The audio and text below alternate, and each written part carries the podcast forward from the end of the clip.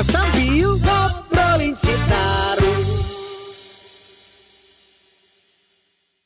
Assalamualaikum warahmatullahi wabarakatuh. Sobat Citarum ketemu lagi di Ngonci Ngobrolin Citarum.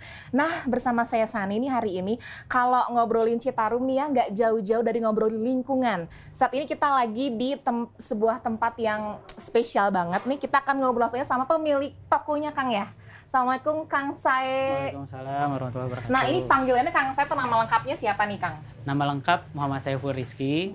Tapi karena biasanya kan kalau Saiful dipanggilnya Epul ya orang-orang. Oh iya. iya, aku kayak bosen pasaran gitu. Iya, bener, Jadi aku mikir apa nama yang mudah orang ingat, jadi Sai aja. Sae, keren Betul. ya. Kayak nama Jepang. Iya, padahal Hmm. Sunda. Nah, Kang kita lagi di mana nih? Dan ini tuh apa sih Kang tempat apa? Coba ceritain Kang ke Sobat Citarum. Oke, jadi ini tuh namanya Nuhun Recycle. Kita tuh di sini ngerubah sampah jadi eh, produk yang lebih indah. Hmm, Iya. sampah jadi indah. Betul. Terus kita awal berdiri dari eh, 2020 Iya. di bulan Mei. Sekarang alhamdulillah udah jalan 2 tahun Dua lebih tahun. sedikit. Apa Nah, kenapa namanya Nyuhun? Kan kayak Oh, kalau iya. orang Sunda mah hatu Nyuhun gitu kan. Iya, betul. Jadi memang nuhun ini dari bahasa Sunda. Oh, betul ya, betul ya. Hmm. artinya terima kasih. Jadi terima kasih karena orang udah bantu kita buat milah sampahnya, Mm-mm. buat eh, mulai peduli sama lingkungan. Tapi ada satu arti lagi Iya. yang karena kan tulisannya N E W H U N. Mm-mm. New Han kalau bahasa Inggrisnya. Oh. Maksudnya new Han tuh new baru, Han tuh kita kayak panggilan sayang. Hani, Hani, Oh, Han. Han, Han gitu. Oh, Jadi gitu. new Han tuh kesayangan baru maksudnya. Oh, kesayangan baru. Kita ingin produk kita tuh jadi kesayangan baru ya. orang-orang. Nah, t- eh, Sobat Citarum nih, ini ada salah satu, bukan satu ya, nih banyak produknya nih ya. Ini ada jam tangan. Udah sisir ya Kang ya? Betul nih sisir, Mm-mm. jam meja, jam dinding, termasuk mejanya juga. Oh iya benar, ini mejanya. Jadi ini coba Kang, eh, buat yang belum paham kok bisa sampah jadi gini, coba gimana Kang prosesnya nih? Jadi eh, dasarnya kita harus mengerti dulu bahwa sampah ini masalah bersama. Bukan masalah DLHK aja, Mm-mm. bukan masalah orang yang ngurusin Citarum aja misalkan ya, tapi masalah setiap orang yang mengkonsumsi sesuatu. Biasanya kan kita tuh cuma konsumsi misalkan beli minuman gitu terus ya udah buang tempat Buang, sampah, mm. merasa itu tuh udah beres. Iya. Padahal yang terjadi di lapangan sampah kita tuh cuma dipindahin ke tempat lain, Nah. nggak diapa-apain Mm-mm. cuma diambil pakai truk, dipindahin ke TPS, dipindahin ke TPA, ditumpuk. Mm-mm.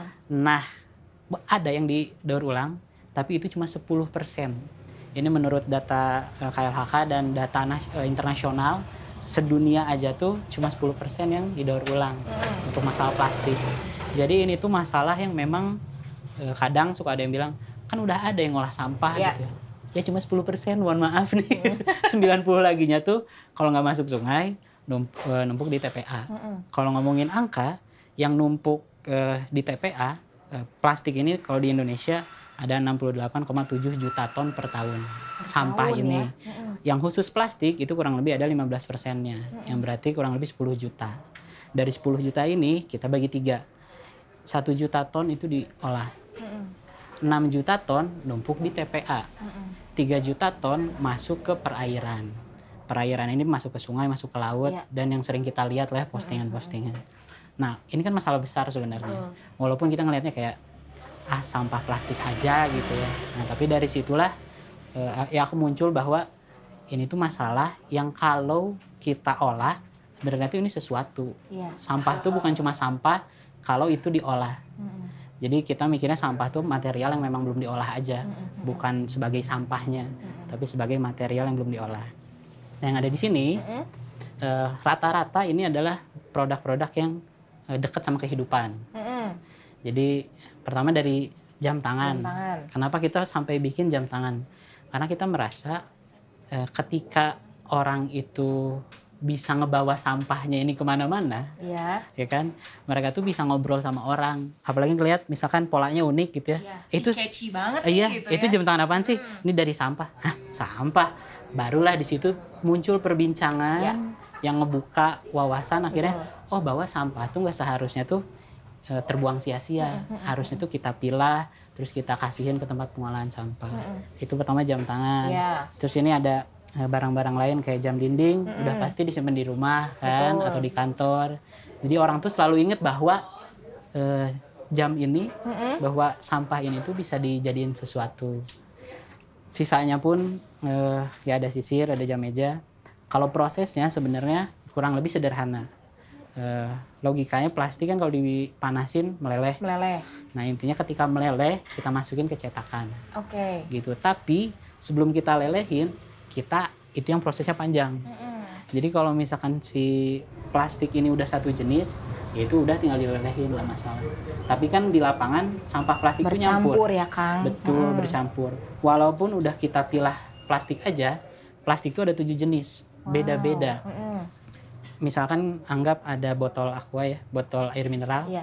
ada tutupnya, ada botolnya, ada labelnya. Iya. Itu tiga jenis yang Tiga berbeda. jenis. Tutupnya HDPE, HDPE, eh, tipe plastik nomor 2, Mm-mm. terus botolnya tuh tipe plastik nomor satu, namanya PET, terus labelnya itu masuknya ke others nomor 7. Jadi dari satu jenis aja tuh ada tiga jenis berbeda. Mm-mm. Apalagi kita tahu di dunia ini banyak banget produk plastik Iya. dan itulah proses yang panjang. Kita harus milah dulu per jenis. Mm-mm. Udah milah per jenis, milah per warna. Mm-mm. Udah itu baru kita cuci, kita pastiin dia bersih. Udah bersih, pilah lagi per warna, per jenisnya udah, per warnanya udah, barulah dicacah. Mm-mm. Setelah ya, dicacah Kang, ya? betul. Ini Nah, jadi ini nih teman-teman. sebutannya flex. Oh flex. Betul, jadi kayak beras lah. Jadi Kayak cornflakes tuh betul kayak cornflakes. Jadi enak Sereal biasanya tuh gitu kan ya? megangnya tuh Oh, enak. Iya betul betul. Nah ini flex setelah jadi flex ini barulah kita cairin dan dimas- Dilelehkan itu, betul dilelehkan di mesin ada meltingnya itu bisa injeksi, Mm-mm. eh, bisa sheet press namanya, bisa extruder, Mm-mm. bisa juga oven. Oke. Kalau untuk bikin produk-produk kecil ini yang detail kita pakai injeksi. Jadi plastiknya dipanasin, Mm-mm. ketika dia udah cair langsung kita dorong masuk ke cetakan. Oke. Jadilah ngebentuk. Jadilah seperti ini. Betul. Dan dari sekian eh, panjang prosesnya nih, itu jenis eh, sampahnya apa aja, Kang? Seperti Jenis- tadi kan tadi eh, seperti botol minum gitu ya, Betul. apalagi tuh, Kang. Jadi dari tujuh jenis plastik yang ada saat ini di dunia, yang kita olah ini itu eh, ada empat jenis. Mm-mm. Tiga jenis lagi eh, harus kita olah dengan mesin lain yang kita belum punya. Oh. Tuh, yang sekarang kita olah itu jenisnya HDPE. Itu tuh kayak tutup botol, Iya. botol sampo, botolnya botol sabun, Mm-mm, mm-mm. terus jerigen. Oh, jerigen. Betul, itu namanya HDPE. Galon gitu maksudnya, Kang? Ya, Mm. HDPE. Terus setelah itu kita eh, ngolah LDPE, itu nomor 4 jenisnya. LDPE itu kresek. Oh, kresek. Betul, Iya, kantong iya, kresek. Ini iya. kayak gini, Iya. jam tangan yang hitam ini Mm-mm. dari kresek. Kresek hitam. Betul, kresek hitam dan kresek putih. Iya, Makanya dia jadi Jadi eh, jadi keren banget loh eh, Betul. warnanya ya. Kita pun nggak nggak pakai pewarna sama sekali. Jadi beneran warna sampahnya aja. Iya, iya. Kalau kita pengen produknya warna hitam putih, ya udah sampahnya warna hitam dan putih. putih. Betul, nggak dicampur Mm, mm, mm. bahan apa pun Ya. selain sampah. Gitu. Tadi eh, LDPE nomor 4, terus ada namanya PP polipropilin. Dia tuh jenis nomor 5, biasanya tuh alat makan, Alat makan. sendok Mm. plastik, Oh, garpu iya, iya. plastik, ah. terus sedotan plastik, eh, piring plastiknya, tray makanan. Pokoknya yang plastik-plastik untuk makanan Iya. rata-rata tuh pakainya polipropilin Hmm, karena tuh dia eh, food grade. Hmm. Terus yang terakhir kita pakai namanya PS, PS polisterin. Dia tuh kayak styrofoam. Ya. Terus tempat kue yang kayak mika gitu, yang Mhm. gampang pecah. Nah itu. Terus eh, sendok plastik juga ada biasanya. Intinya yang menyerupai kaca. Ya. Nah itu kita pakai juga. Pakai juga. Mah kalau boleh tahu nih Kang, Akang tuh jurusannya apa sih? Kok concern banget sama lingkungan gitu loh. Kayak ada keresahan kah gitu ya Iya. ketika oh, aku mau bikin ini deh kayaknya ini tuh nggak boleh sampah tuh banyak Hmm. banget gitu ya. Tuh, Dan apa ya? Kenapa gitu Kang maksudnya? ya. Kalau kuliah, aku Mhm. sebenarnya sastra Arab. Oh sastra Arab. Sastra Arab di Unpad. Oh di Unpad. Betul. Iya iya iya. Terus apa hubungannya sama Nah, nah, persampahan betul. ini? Iya. Jadi eh, basicnya aku dari kecil Mm-mm. memang seneng visual. Hmm. Visual tuh segala hal, mulai dari fotografi, videografi, Oh, iya, desain, desain pun desain grafis, desain produk dan lain-lain. Makanya dari situ eh, mulai muncullah kayak keinginan untuk bikin sesuatu karena aku suka sama desain. Eh, makanya aku pun kalau ngerjain apa pun Mm-hmm. di luar bidang akademis ya, aku tuh pasti bidang itu, bidang visual. Kalau nggak jadi graphic desainnya, pasti jadi fotografer, videografer. Iya. Dari situ eh, keinginan untuk bikin produk tuh muncul ketika bertemu keresahan. Nah itu keresahan Betul. itu ya. Muncul keresahan kayak kenapa ya? Eh, Sebenarnya triggernya tuh dari eh, suatu hari waktu itu aku main ke eh, ada kegiatan sosial di TPA Bantar Gebang. Di situ aku pertama kali ngelihat oh sampah tuh diginiin ya gitu, se menggunung Iya, gunung dan cuma beneran datang setiap truk datang tuh selalu penuh, nggak pernah ada truk yang kosong Mm-mm. penuh terus udah gitu cuma di simpen aja Buang aja buang. Ah, gitu cuma ya. ditumpuk Simpan, tumpuk iya. tumpuk tumpuk dari situ aku mikir kayak ah ini kalau 10 20 tahun 30 tahun lagi cuma ditumpuk tumpukannya bakal sebesar apa ya gitu dan bakal ngasih jadi kayak gimana gitu ya udah dari situ aku mikir kalau di negara lain di negara yang lebih maju Iya. mereka tuh diapain sih Mm-mm. dari situ aku cari oh ternyata bisa jadi sesuatu dan bisa jadi produk yang memang cakep juga gitu Iya, iya. dari situ aku mikir ah apa aku bikin produk tapi dari sampah aja Iya, gitu ya biar produk yang aku bikin teh ada value lain Mhm. selain bikin produk yang bagus tapi ada value lainnya ya udah dari situ ngulik ketemulah sama hal ini Dan ternyata eh, apa ya masa pencarian jati diri misalkan ya, Iya, itu dua setengah tahun ya. betul Aku baca tuh. jadi eh, untuk jam tangan ini Mhm. kita dari sebelum Nuhun berdiri aku tuh udah mulai eh, ngedesain lah udah mulai Jadi ngedesain. bisa desain juga. betul. Udah aku udah mulai ngedesain. Kira-kira kalau aku mau bikin produk kayak gimana? Hmm, hmm. terus udah gitu di saat udah "Ah, kayaknya ini bisa nih. Mulailah aku eh, ajak temen aku yang ngerti mesin. Aku ajak temen aku yang eh, udah biasa bisnis. Terus setelah itu ngobrol-ngobrol mereka pun oke. Ya udah kita jalanin tuh. Hmm, hmm. banyak gagalnya. Yang pasti penjualan belum ada karena produknya aja belum jadi-jadi ya. Akhirnya setelah dua tahun eh, lima apa setengah tahunnya ngulik dulu terus dua tahunnya riset dan development barulah jadi produk ini akhirnya Iya, wow luar biasa. Kang satu jam tangan ini menghasilkan berapa eh, sampah? Ya berasal dari eh, kalau jam tangan ini 150 gram 150 gram tuh Betul. kayak Kalau tutup sih bot- kira-kira gitu. kalau tutup botol tuh rata-rata beratnya satunya 2 gram Hmm, Jadi kalau- lumayan ya. Mm-mm, satu jam tangan tuh kurang lebih 75 tutup botol Hmm, hmm, hmm. Terus kalau kresek, kresek tuh satunya biasanya kurang lebih eh, satu gram, nggak lebih dari satu gram. Hmm. Jadi kalau ini jam yang Bisa dari kresek dari 150 kresek baru jadi satu jam tangan.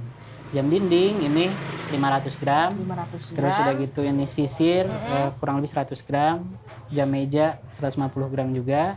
Meja dan kursi. Nah, iya, ini Nah, juga. ini yang cukup besar. Iya. Jadi meja kalau kita bikin itu biasanya ukuran semeter kali semeter Hmm. uh, ketebalan 20 mili, dia tuh beratnya 25 kg. Jadi kita pakai 25 kg sampah. Kalau tutup botol itu ada 8.000 tutup botol Mm-mm. baru jadi satu papan. Nah, berarti itu sangat berpengaruh ya Kang ya. Betul.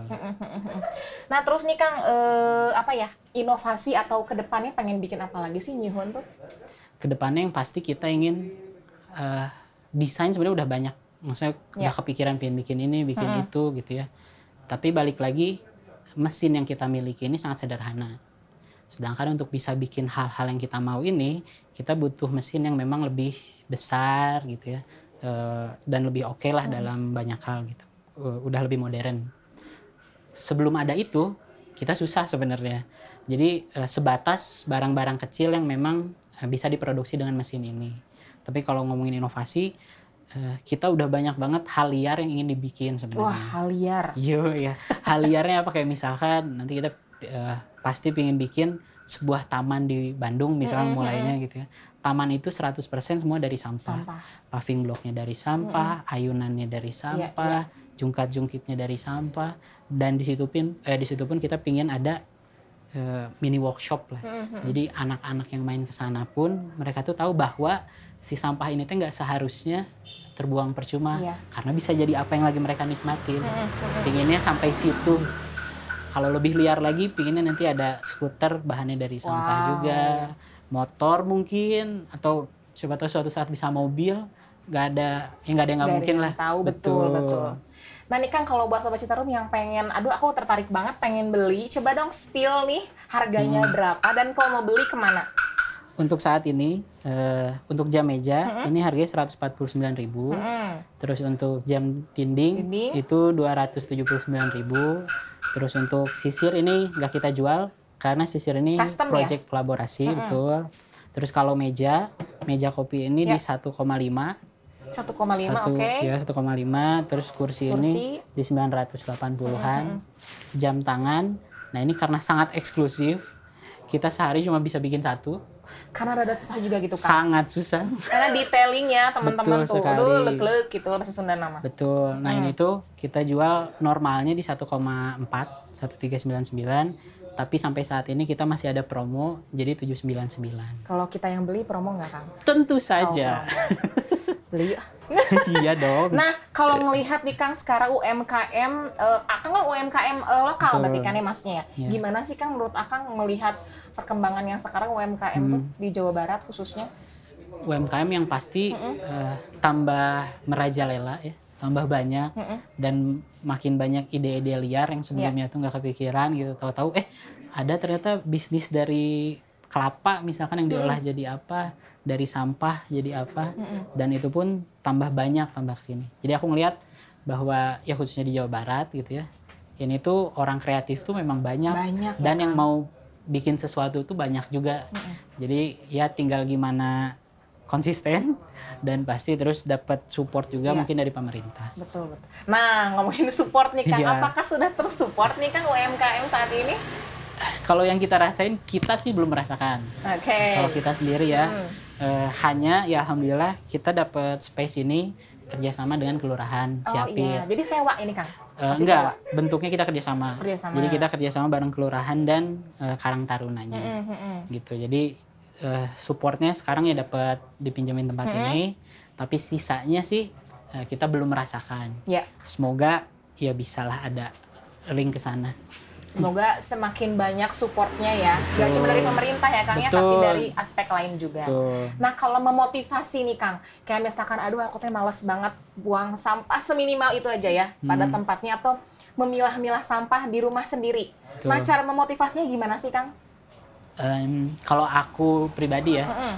jadi kalau sebagai seorang muslim eh, kebersihan kan sebagian dari Iya. iman kan ketika kita ingin bersih Mm-mm. tapi kenyataannya kita menganggap bahwa buang sampah di tempat sampah udah cukup ternyata yang di lapangan tuh itu nggak cukup gitu karena ya ujung-ujungnya ketika sampah yang nggak terurai yang sulit terurai ya kayak plastik, karet dan lain-lain bercampur dengan sampah yang gampang terurai, organik gitu ya. Terus mereka tuh ada di dalam eh, tempat yang sama, kayak misalkan sampah organik kita masukin ke kresek, rata-rata gitu kan, Iya. buang ke tempat sampah. Kira-kira eh, si sampah organiknya itu bakal nyatu lagi sama tanah nggak?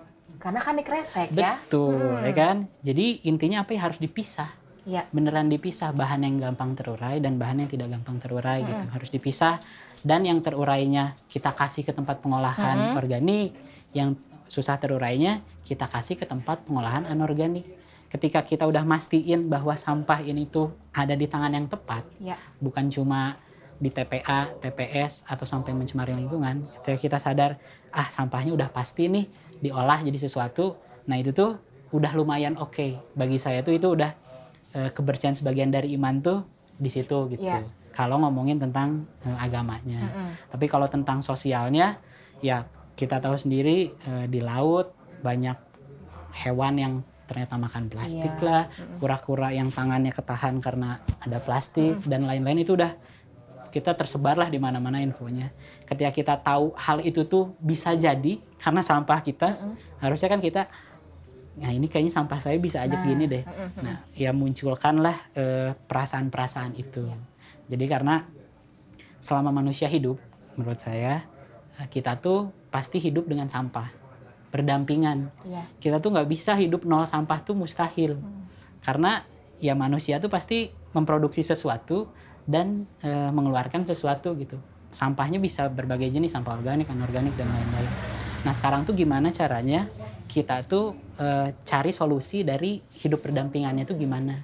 Sampah tuh kan kalau kayak plastik gitu ya, udah jelas banget bisa jadi produk ini udah jelas ada di depan mata kalau mau jadi minyak mentah bisa mau jadi pengganti batu bara sebutan RDF bisa mau jadi apa debu yang hasil akhirnya dipakai pengganti pasir bisa mau jadi energi listrik bisa dengan dibakar pakai insenerator Iya. uap panasnya jadi listrik bisa banyak banget potensi yang bisa dilakuin sekarang kan pertanyaannya itu cuma sejauh mana kita mau investasi buat masa depan ini Iya, iya.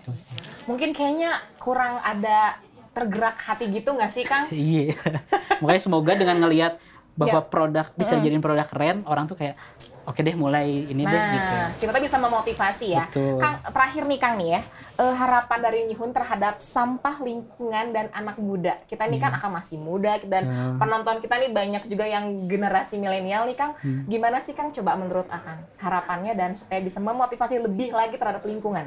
Ya, eh, kalau ditanya si- siapa yang paling berpotensi untuk memperbaiki lingkungan, itu udah pasti anak-anak jawabannya. Anak-anak ini eh, bisa bisa dikasih tahu sama orang tuanya. Ya. Orang tuanya bisa terpengaruhi sama anak mudanya. Jadi eh, peran anak muda ini tuh kalau menurut saya ujung tombaknya. Karena dalam beberapa tahun ke depan mereka jadi orang tua, mereka punya anak. Ketika habit untuk milah sampah ini udah terbentuk gitu ya, anak tuh udah nggak ngerasa berat lagi untuk milah sampah. Karena mereka tahu ya sampah tuh memang harus dipilah, bukan cuma dibuang ke tempat sampah beres. Jadi eh, anak muda sangat penting banget untuk melakukan hal ini gitu ya. Dan ya mulai disadari aja bahwa eh, ya ini tuh bukan cuma untuk diri kita gitu. Ya. Eh, ketika kita melakukan ini ya pasti eh, dampaknya jadi ke banyak hal banyak tempat Eh, ya semoga itu bisa jadi amal baik untuk diri kita.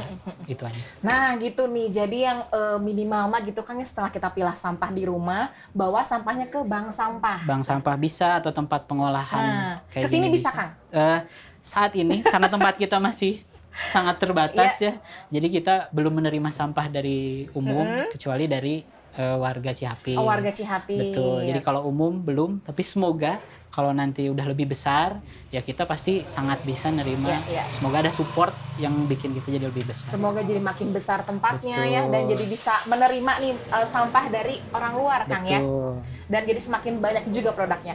Nah, atur nuhun pisan Kang saya obrolan kita hari ini. ya Semoga memotivasi eh, Sobat Citarum juga nih dan semua masyarakat Jawa Barat lebihnya. Ya Sobat Citarum segitu dulu obrolan kita hari ini. Terima kasih sudah menyaksikan Ngonci Ngobrolin Citarum. Kita akan ketemu di episode selanjutnya. Wassalamualaikum warahmatullahi wabarakatuh.